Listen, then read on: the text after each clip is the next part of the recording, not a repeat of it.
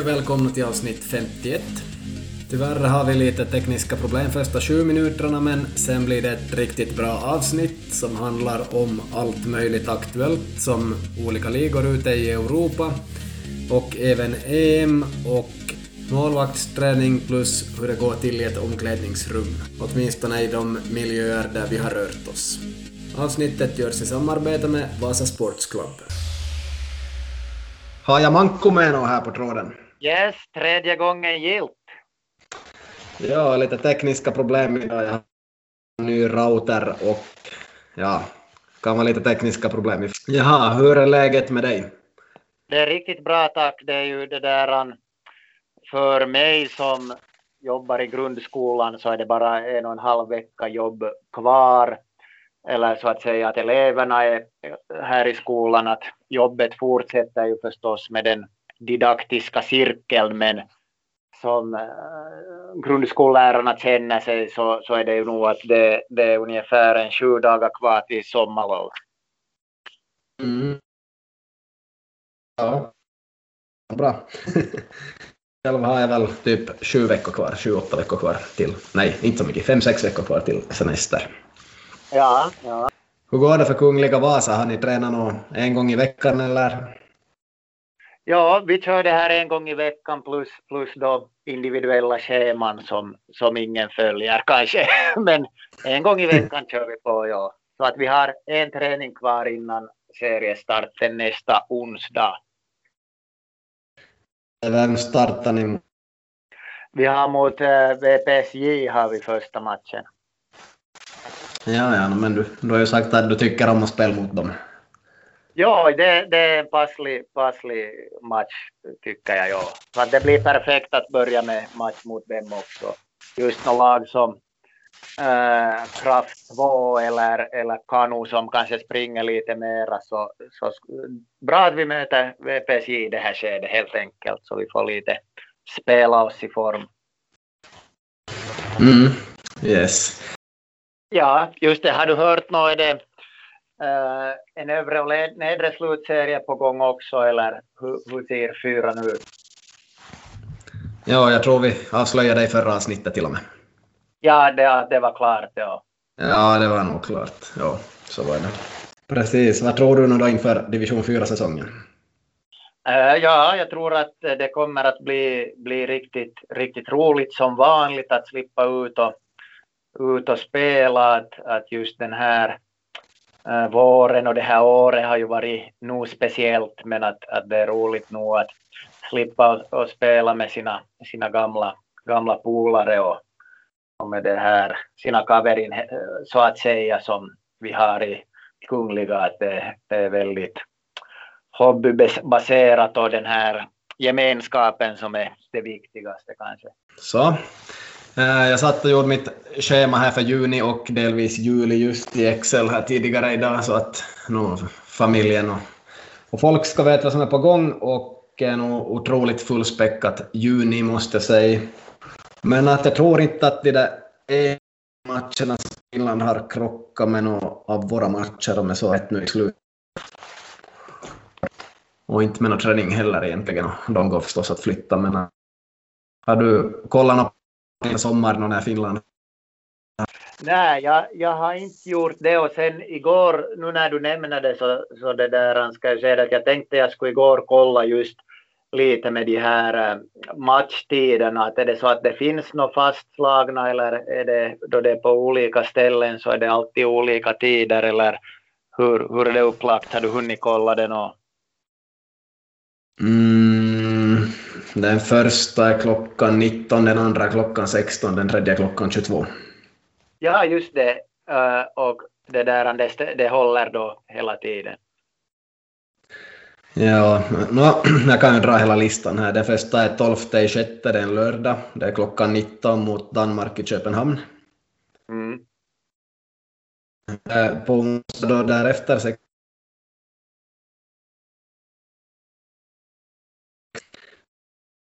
sista matchen också i Sankt Petersburg på måndag där 21 klockan 22 på kvällen mot Belgien. Så det är i gruppspel. Mm.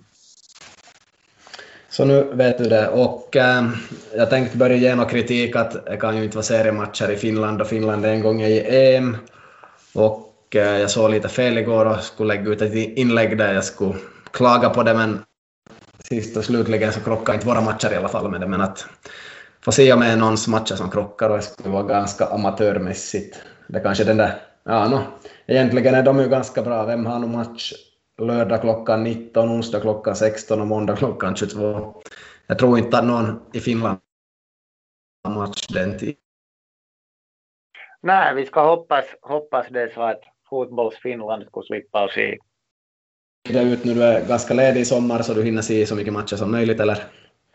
Uh, ja, no, det, det där vi har, eh, just nu när jag fick leda på de där tiderna så, så jag är ju med där lite och hjälper hjälper i den här ena dotterns äh, fotbollslag och sen den där andra dottern så då har, har de en gång i veckan Eh, 17.30 till 18.30 sån där föräldra-barn-fotis så att jag har inte hunnit eh, kolla med, med de där EM-matcherna men, men nu, de där 22 matcherna blir det väl nog att se åtminstone varenda tror jag. Ja, det blir väldigt intressant faktiskt. Um, då jag såg på min, mitt sommarschema också så jag har ju mitt lag jag tränar och så har jag fotbollsskola och så har jag också föräldrabarnfotis med min pojk, fyller just tre år så han är med.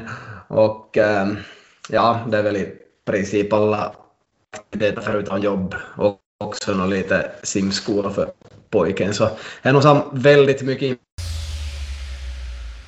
Okej, Manko. Nu är vi tillbaka efter tekniska problem, visst? Ja, det var ju, vi hade ju lite sådär tekniska äh, problem. Det var lite problem med, med uppkopplingen, vilket ledde till att jag inte alls hörde vad du sa, utan bara fick ungefär humman och sådana ja till svar. Så att uh, vi får se hur det blev då sen slutligen. Kanske inte märktes någon skillnad. jag tror inte det märktes så jättestor skillnad. Så, yes vi höll på lite med schema och ett som annat här och det sista jag sa var kanske eh, också lite om alla grejer jag hade inbokat på sommaren och sånt och du sa också vad du hade så att eh, svårt att få in de där EM-matcherna möjligtvis men de flesta är klockan 22, vissa är klockan 19 och någon enstaka är klockan 16 så, så det där 22 skulle du se i alla fall trodde Ja, det var ju så när det var det där var det äh, VM eller när det nu var så var det någon, kanske det var i Brasilien, var det 2014 det? Kan hända. Ja, no, hur som helst, så någon gång så skulle jag se alla matcher och, och den där sista, senaste, sista matchen så den började klockan fem på morgonen och då var man nog lite sliten där en halv sju kan jag säga. Ja, ja, ja, det tror jag. Så, men att då lyckades jag nog se, se ja, alla utom kanske tre matcher, men, men att det blir nog inte något sånt i år. Nej. ja, nej, själv ska jag välja vissa matcher som jag ska se sent. Till exempel första, eller inte första dagen, första dagen Turkiet-Italien, men att äh, från och med den där lördagen 12 så då spelar hela hela Finlands grupp. Det är Belgien, Ryssland klockan 10 så då ska jag nog vara upp den tiden. Men eh, söndag, Holland, Ukraina tror jag inte ser klockan 10 men Spanien, Sverige klockan 10 och en, en annan dag där och sen eh, Frankrike, Tyskland också klockan 10 så man måste ju nästan upp och se de där två i alla fall. Ja. Men för många andra klockan 10 matcher tror jag inte att jag prioriterar in möjligen Portugal, Frankrike och sen också med den tiden. Nåja, nog om EM kanske, eller ska vi fundera kring det kanske senare? Vi kan ju ta lite när det, när det närmar sig så kan vi ju ha ett specialavsnitt. Då vi ett EM-avsnitt, ja. Och det var bra att jag hade en, en sån här um, quiz att när börjar EM här så var ganska få människor som visste att det börjar 11 i sjätte faktiskt. Ja, nej, det, det har ju varit blivit lite sådär att nå, det börjar nog någon gång där i början av juni. Att riktigt sådär mm. exakt, jag hade inte heller koll på det även om jag inte svarade i den här quizen. Nej, precis. Nej, inte skulle jag heller veta om det för någon vecka sedan. Så, så okej, okay, nu har vi ett datum, 11 sjätte, det är bra. Får vi hoppas hade hållit då. Ja. Som med allt annat här i dessa tider. Mm, bra. Det här... han klipper där sen, jag får nog sitta och klippa det trots allt. Um, på sistone har det avslutats många ligor. Italienska, spanska, engelska och så vidare. Tyska vann förstås Bayern München, inga nyheter där, men helt intressant i de här andra ligorna. Har du följt med slutet via livescore eller sett matcher eller?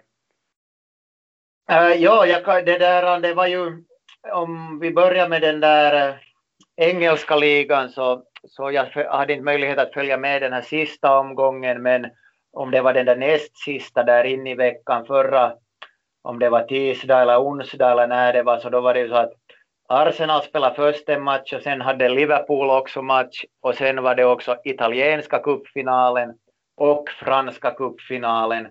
Men att, att då, då var jag nog så trött så att jag kollade inte på någonting av det här, att jag gick nog och sova klockan tio då, just när, när den här tre av de här matcherna körde igång så att det säger ju nog en del om, om den här turna, turnauskestävyyttä som, som behövs för att hålla en hel säsong som bänkidrottare. Att det börjar nog bli lite, lite tufft nu att, att ikväll är det ju den här Europa League-finalen och, och jag har nog inte, inte riktigt ännu bestämt att, att om jag ska försöka mig att, att se på den men att, att lite, lite sådär hade, hade lämnat att lämna bort att se matcher som man, man annars nog skulle, skulle ha sett.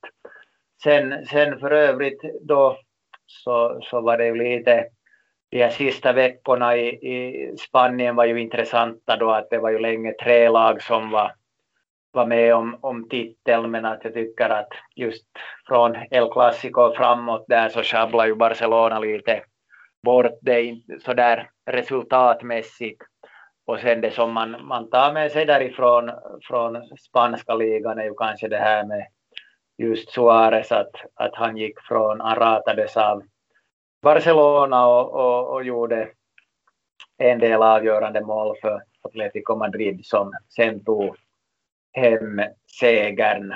Och sen då det att eh, Real Madrid inte har med någon spelare i det preliminära EM-truppen. Att, att det är väl det som åtminstone jag tar med mig från spanska ligasäsongen.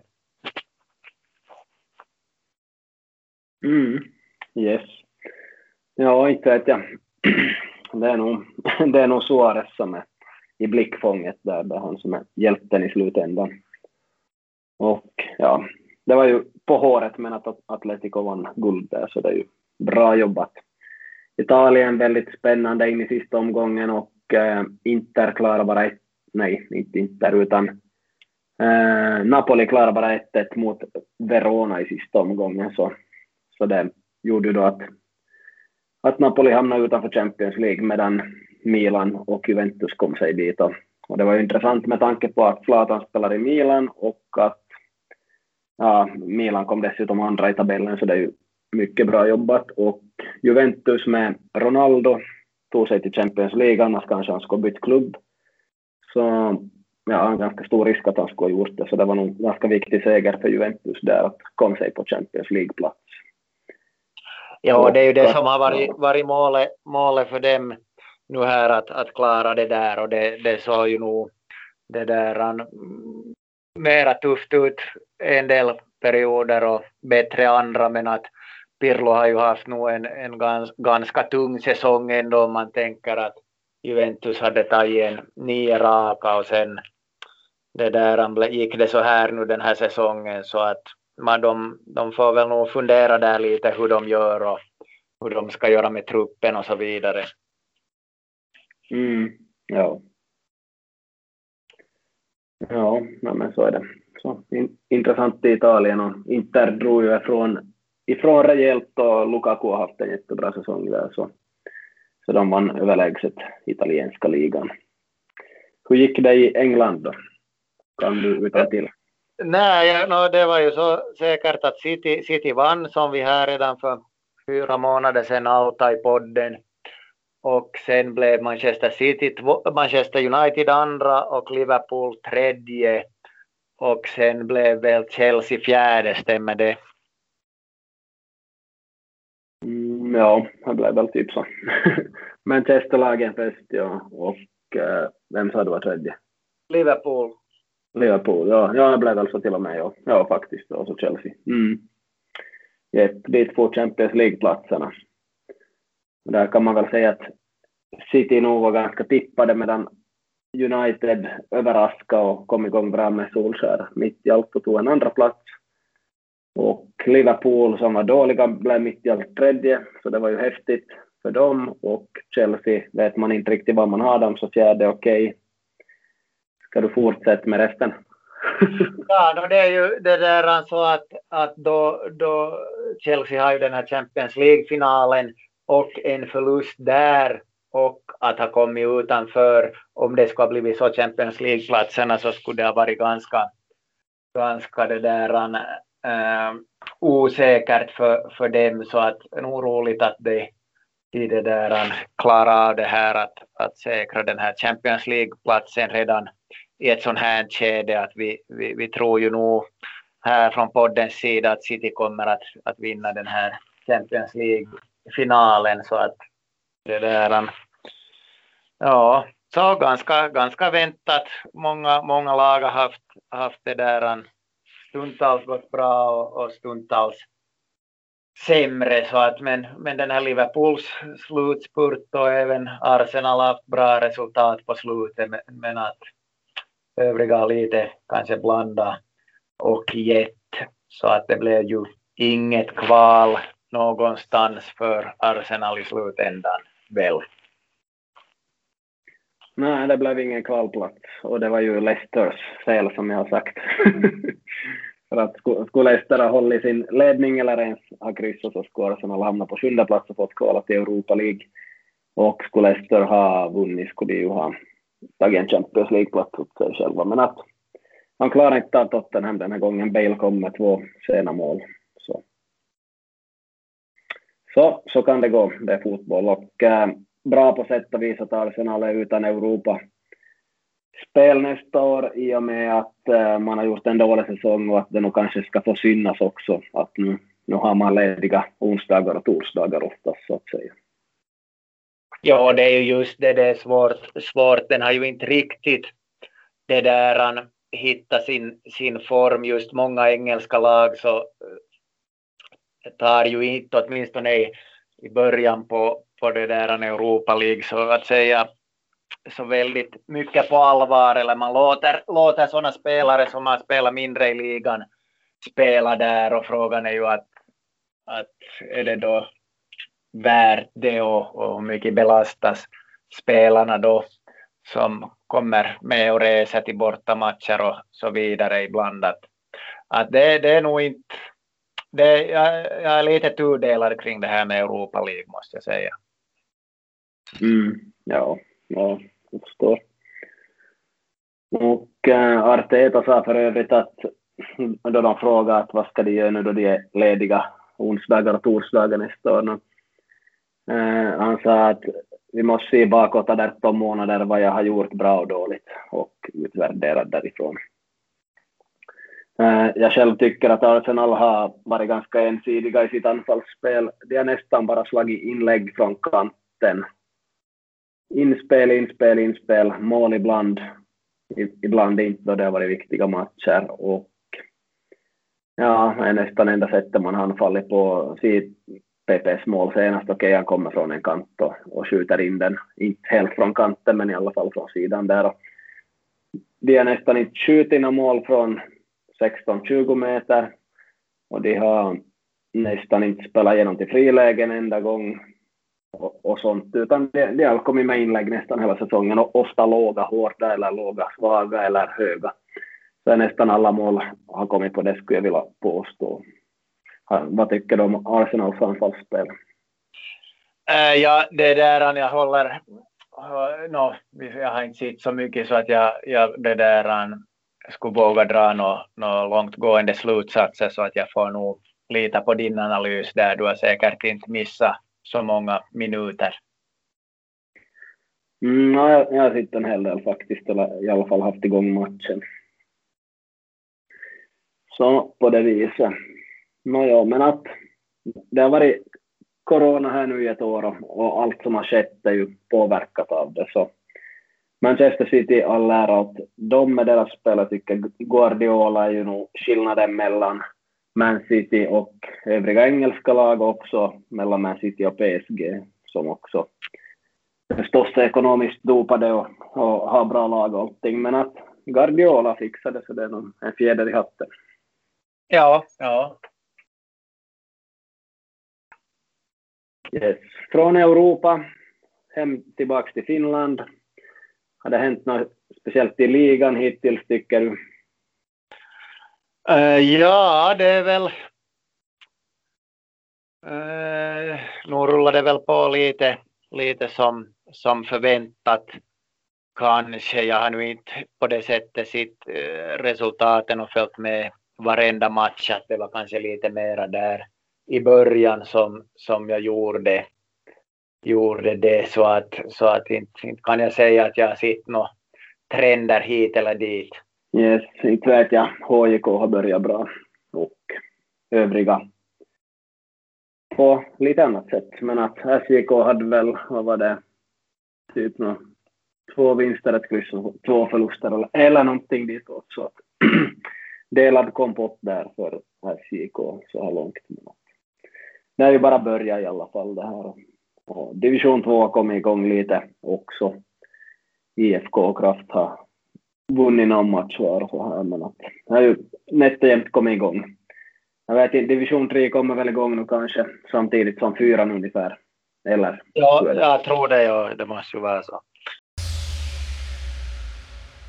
Yes, och vad gäller coronarestriktioner så skulle jag vilja påstå att de flesta inte har funderat så mycket senaste två, två veckorna utan innan var det vissa som bröt mot restriktioner, kanske spelade träningsmatcher då man inte fick och i något skede blev det sådär att får man eller inte, ingen riktigt vet och alla börjar väl spela matcher i det skedet, även vi.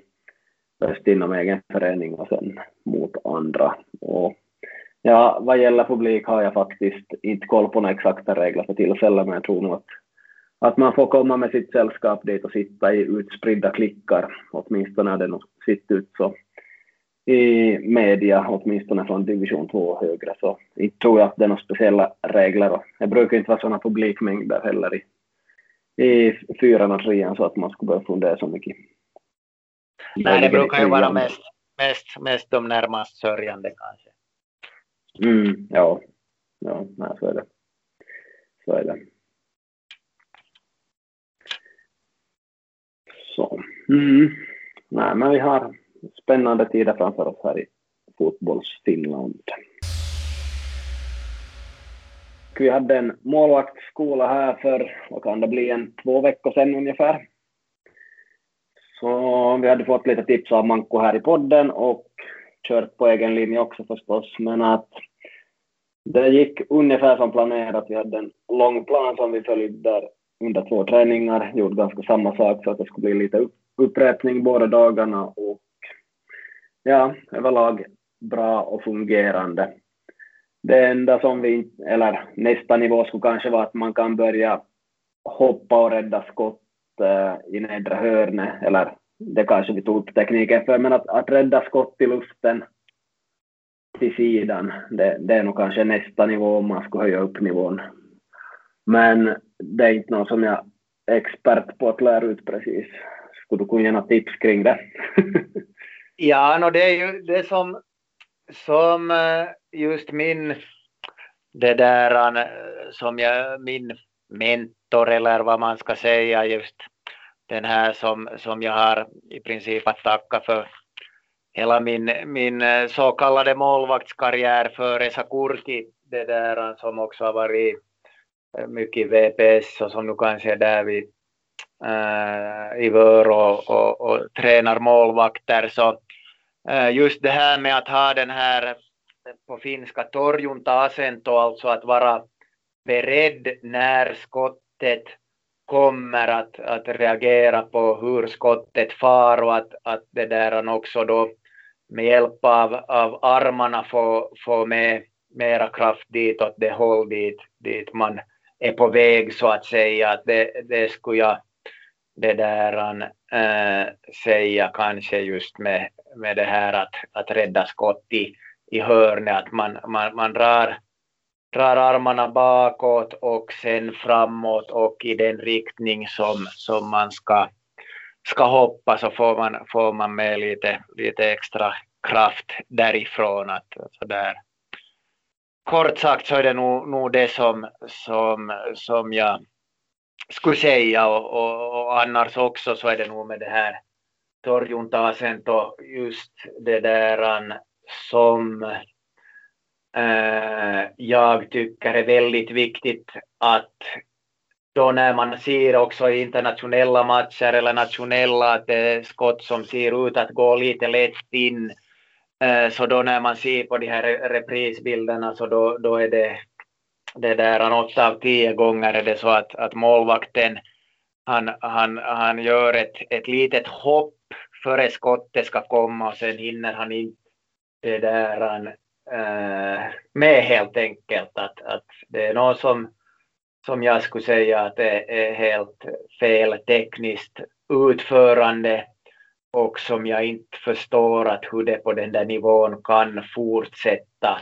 Sen finns det just då vissa målvakter som det gång efter annan går in sådana här skott på så, så då, då, då funderar man nog att vad de går efter för teorier. Förstår du vad jag menar just när, när det kommer något skott som inte ser så farligt ut men så är målvakten sen? Mm, mm, jag kan tänka mig. Ja. ja.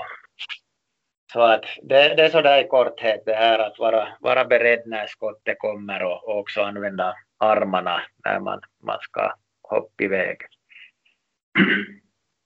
Ja, uh, alltid då jag lyssnar på någon så kan jag lära mig någonting och just det här med att armarna ska lite bak före man kanske hoppar iväg på ett långt skott. Ja. Så det ger, ja, eller långt skott, ett skott i sidan som man ska slänga sig ganska långt på så, så det här kan förklara en del av mina tankar med vissa målvakter. Se på en bulgarisk målvakt i 41-årsåldern som har spelat på väldigt hög nivå så hans händer är inte i samma grundposition som finländarnas utan de är mer bakåt, bakom ryggen lite och kanske han är beredd att slänga sig långt då är kanske därför han alltid har den grundpositionen att han tänker utgående från det. Ja, ja.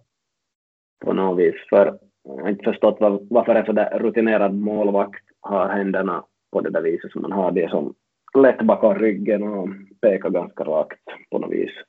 Ja, eh, det är en helt det. annan grej.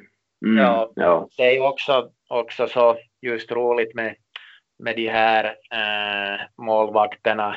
Just den här Oliver Kahn och sen den här Andres Wilmrotter som var i Haka, så de hade ju det där att, att de lite roterar framåt med underkroppen så att efter en räddning så lämnar de och snurra på marken. Att det, det, det är ju också en sån där roliga tekniksaker och olika skolor som, som det där finns. Så att mm, det är sant ja. att se.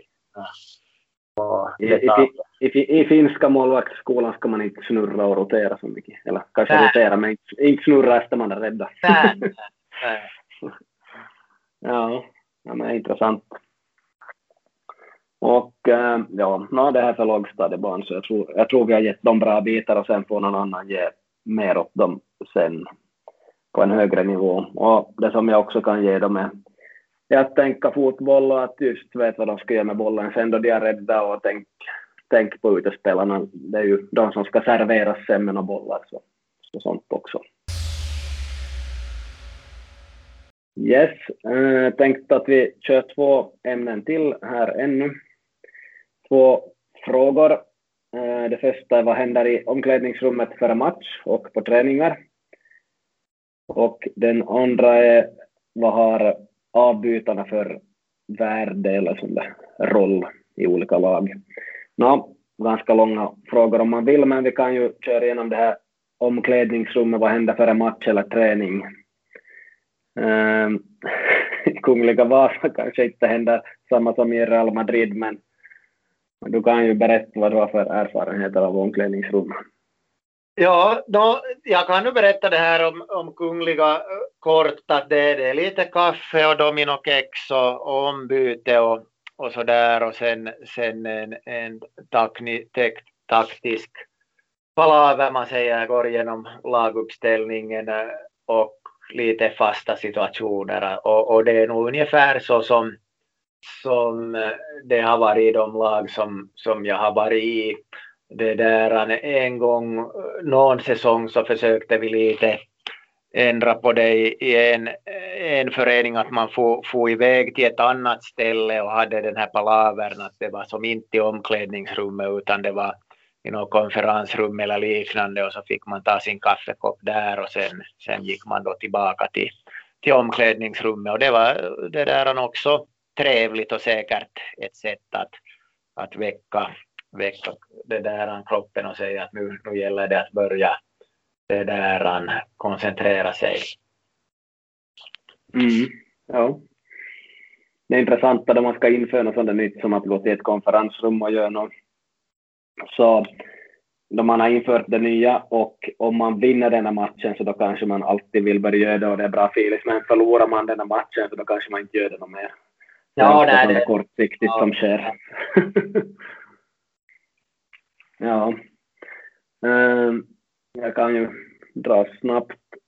Jag tycker inte att mina lag behöver vara så otroligt långt på förhand på plats utan åtminstone på på lägre nivå som division 4 och, och inte högsta serierna för juniorer så 45 minuter före match vill jag att de ska vara på plats och Eh, färdiga 40 minuter före match så att man kan börja prata så försöker dra igenom taktiken och det på 10 minuter men att det är ofta problem med att det är en massa folk som är sena eller att någonting drar ut på tiden. Olika tejpningar och någon har det tar jättelänge att ta på benskydd och skor och sånt och, och så vidare. Eh, som tränare försöker jag att inte prata allt för länge på matchdag. Tar hellre det tidigare men att har många varit borta, vilket ofta är fallet, så hamnar man ju ändå att prata i 10-15 minuter. Så. Eh, det beror lite på matchen och ibland kan det vara att ja, vi ska göra precis som förra veckan och vi ändrar bara den här lilla detaljen men att ibland får man nog prata ganska länge om om hur saker och ting ska börja och hur de ska fortsätta och sånt. En taktik först och sen byter det efter x antal minuter och ropar så här och så gör vi så här och så här och så här. Och så förstås fasta situationer då. I fjol kom vi nästan aldrig in i omklädningsrummet tillbaka. Förstås lite coronaläge så, så då lämnar vi alltid ute tills matchen börjar. Och ja, det är nog ett ganska bra sätt också, men att det beror på hur mycket tid man har, hur mycket tid spelarna har slösat genom att vara sena. Och kommer man ju gärna in, in och byter, byter bort en t-shirt till en uh, ren matchskjorta och, och hinner vara där inne fram och tillbaka innan man ska utföra spelmatchen. Kanske har man värpt upp i byxor och byter dem till shorts. Så det beror lite på. Och om jag snabbt drar träningarna så försöker jag att vi ska vara på plats 15 minuter före och börja uppvärmningen 10 minuter före, men den börjar nog ofta 5 minuter före själva uppvärmningen. Och då är sällan alla på plats och de som inte är i tid så de får värma upp själv och missar då första övningen så det är väl ett litet straff åt dem i alla fall. Så, så där i snabba drag. Har du några kommentarer kring detta? Nej, det, ja, sådär lite skämt åsido så att, ja, det där är nog ganska försenad av mig ofta nu för tiden så att du, du vill att de ska vara 15 minuter före. Jag är glad om jag kommer 15 minuter efter träningen har börjat. Nej, det var lite sådär skämt åsido, ja, det där. Ja. Ja, nej, jag, är, jag är ganska, ganska sådär, det är allt möjligt på, på gång och, och sådär så att, så att klart det att det, man, man ska försöka vara i tid men att, att inte, inte nu sådär 15 minuter före men, men att i så god tid som man har möjlighet. Mm, ja, ja det, det är från lag till lag helst skulle man nog vara där 20 minuter före och uppvärmningen börjar 15 minuter före. Det har vi nog lyckats med i vissa månader, men att inte för tillfället. det blir nog lite slappare ju närmare säsongen man kommer ibland med sådana saker. Och, och i augusti skulle inte förvåna mig om vi träffas prick då den börjar och, och skäl 10 minuter av träningstiden till uppvärmning så att säga, vilket nog de flesta lag på den här nivån gör. Men vi har massa spelare i 20-årsåldern och lite däröver så, så de ska utvecklas och, och ska nog som skötas ordentligt. Så därför, men att skulle man ha mycket äldre spelare skulle man kanske göra på ett annat sätt och ha det ännu slappare. Mm, no, omklädningsrummet är ju också halvtid. Mm, som tränare så jag låter alla ta det lugnt en stund, jag kommer inte in och så börjar jag babbla direkt eller något, utan alla får ha en två, tre minuter lugnt och sen, sen frågar jag oftast av spelarna vad de tycker och tar deras kommentarer och då går vi igenom allt det och sen tar vi mina. Och har vi bråttom så får jag skära av deras diskussion i något skede och, och gå över till mina grejer och sen snabbt ut i så fall om det är kort paus. Men att äh, jag lyssnar nog alltid på spelarna i första hand. Om jag inte är jätteförbannad av någon orsak, då får de inte säga ett ord. Om de till exempel skulle ligga under 4-0 och ingenting har lyckats, så då, då är det ingen nytta att de pratar och berättar desto mer. Då får de svar på mina frågor istället kanske. Har du någon halvtidsrutiner att säga? Ja, nej, det är nog sådär, just det tycker jag nog är bra just att man får, man får tid, tid lite att lugna ner sig och jag, jag tror ju nog att, att det kanske ser ut så nästan i alla, alla lag. Mm. Att man lite, lite samlar sig själv och tänker på sin egen insats och sen, sen har en liten genomgång. Ja, precis. Yes, så folk ska ju springa på WC och ska blötas ner ansikten och kanske fyllas med drickaflaskor och allt möjligt. Så är ju lite kaos alltid mer eller mindre. Men att I vissa juniormatcher förr då jag vet att nu är det mycket taktik som ska fixas så då är det kanske gått in tre minuter före spelarna, före halvtid. Ibland också så finns alla möjliga sätt att göra saker och ting och har man flygande byten kan man byta ut tre av de bästa spelarna med tre minuter kvar och och låta dem vila lite extra och börja prata med dem redan före halvtid. Men att det, är, det är lite annat det om man kan byta spelare in och ut fram och tillbaka. Yes, sista matchen då. Finns det några rutiner för er som vinner mycket? Äh, no, det är ju ett sånt här hurra-rop och lite slå i, slå i väggarna och lite high fives och sådär och sen, sen fara iväg på jälkipelit i någon lokal grill eller pizzeria med laget. Mm, ja, trevligt. mycket, mycket trevligt. ja. ja, det är nog kul när man vinner mycket som ni gör. Vilket jag inte har varit bortskämd med nu i de två senaste åren. Tre senaste åren. Så mm, ja, det är kul. Kul filis. Absolut. Efter matcherna för för vår del så folk äh, lämnar och pratar på plan och det, det vad som helst, men i något skede måste man ropa nu ska alla komma in och så pratar vi nog alltid en liten stund.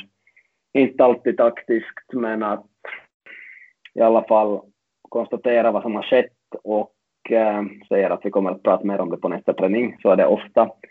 Och i vissa fall så kommer vi att eh, diskutera taktiken efter efter matchen direkt, vilket är ganska ovanligt, men det händer nog ibland. Beror lite på läge och när vi ska ha nästa träning och, och vad som har hänt förstås. Så, så sånt. Men att inte är det något långvarigt normalt, det är fem minuter eller högst tio.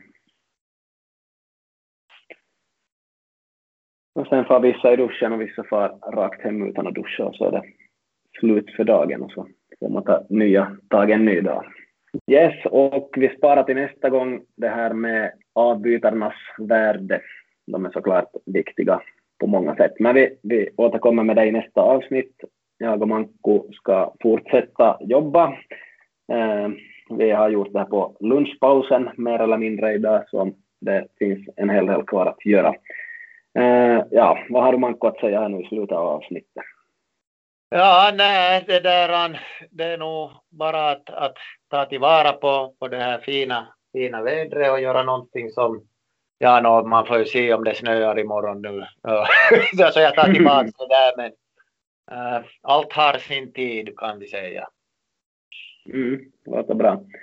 Och mitt tips är att äh, skriv ner de saker du ska göra i juni så att du hinner göra dem. Och där är ju EM-matcherna viktiga att boka in i kalendern också. Och säkert mycket annat också. Så skriv ner det på ett papper så är det större chans att det sker. Yes, vi säger tack och hej. Tack och hej.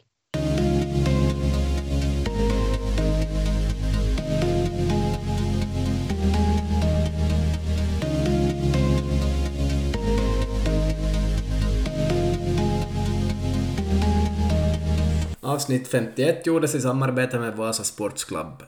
WSC.fi Det är det bästa gymmet i Vasa och möjligen i hela Finland och Norden. Väldigt stort gym.